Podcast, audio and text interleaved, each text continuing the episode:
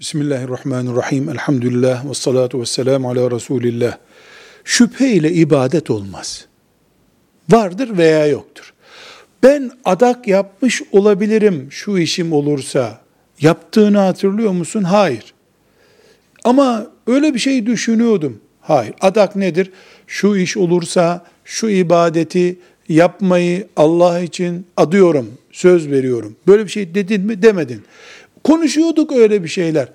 Zanla, şüpheyle ibadet yapılmaz. Böyle bir adakta vacip olmaz. Çünkü ortada ciddi bir bilgi yok. Öyle olduktan sonra insan her aklına gelenin, her düşündüğünün, her hayal ettiğinin peşinden gitmesi gerekir. Dinimiz bunu emretmiyor.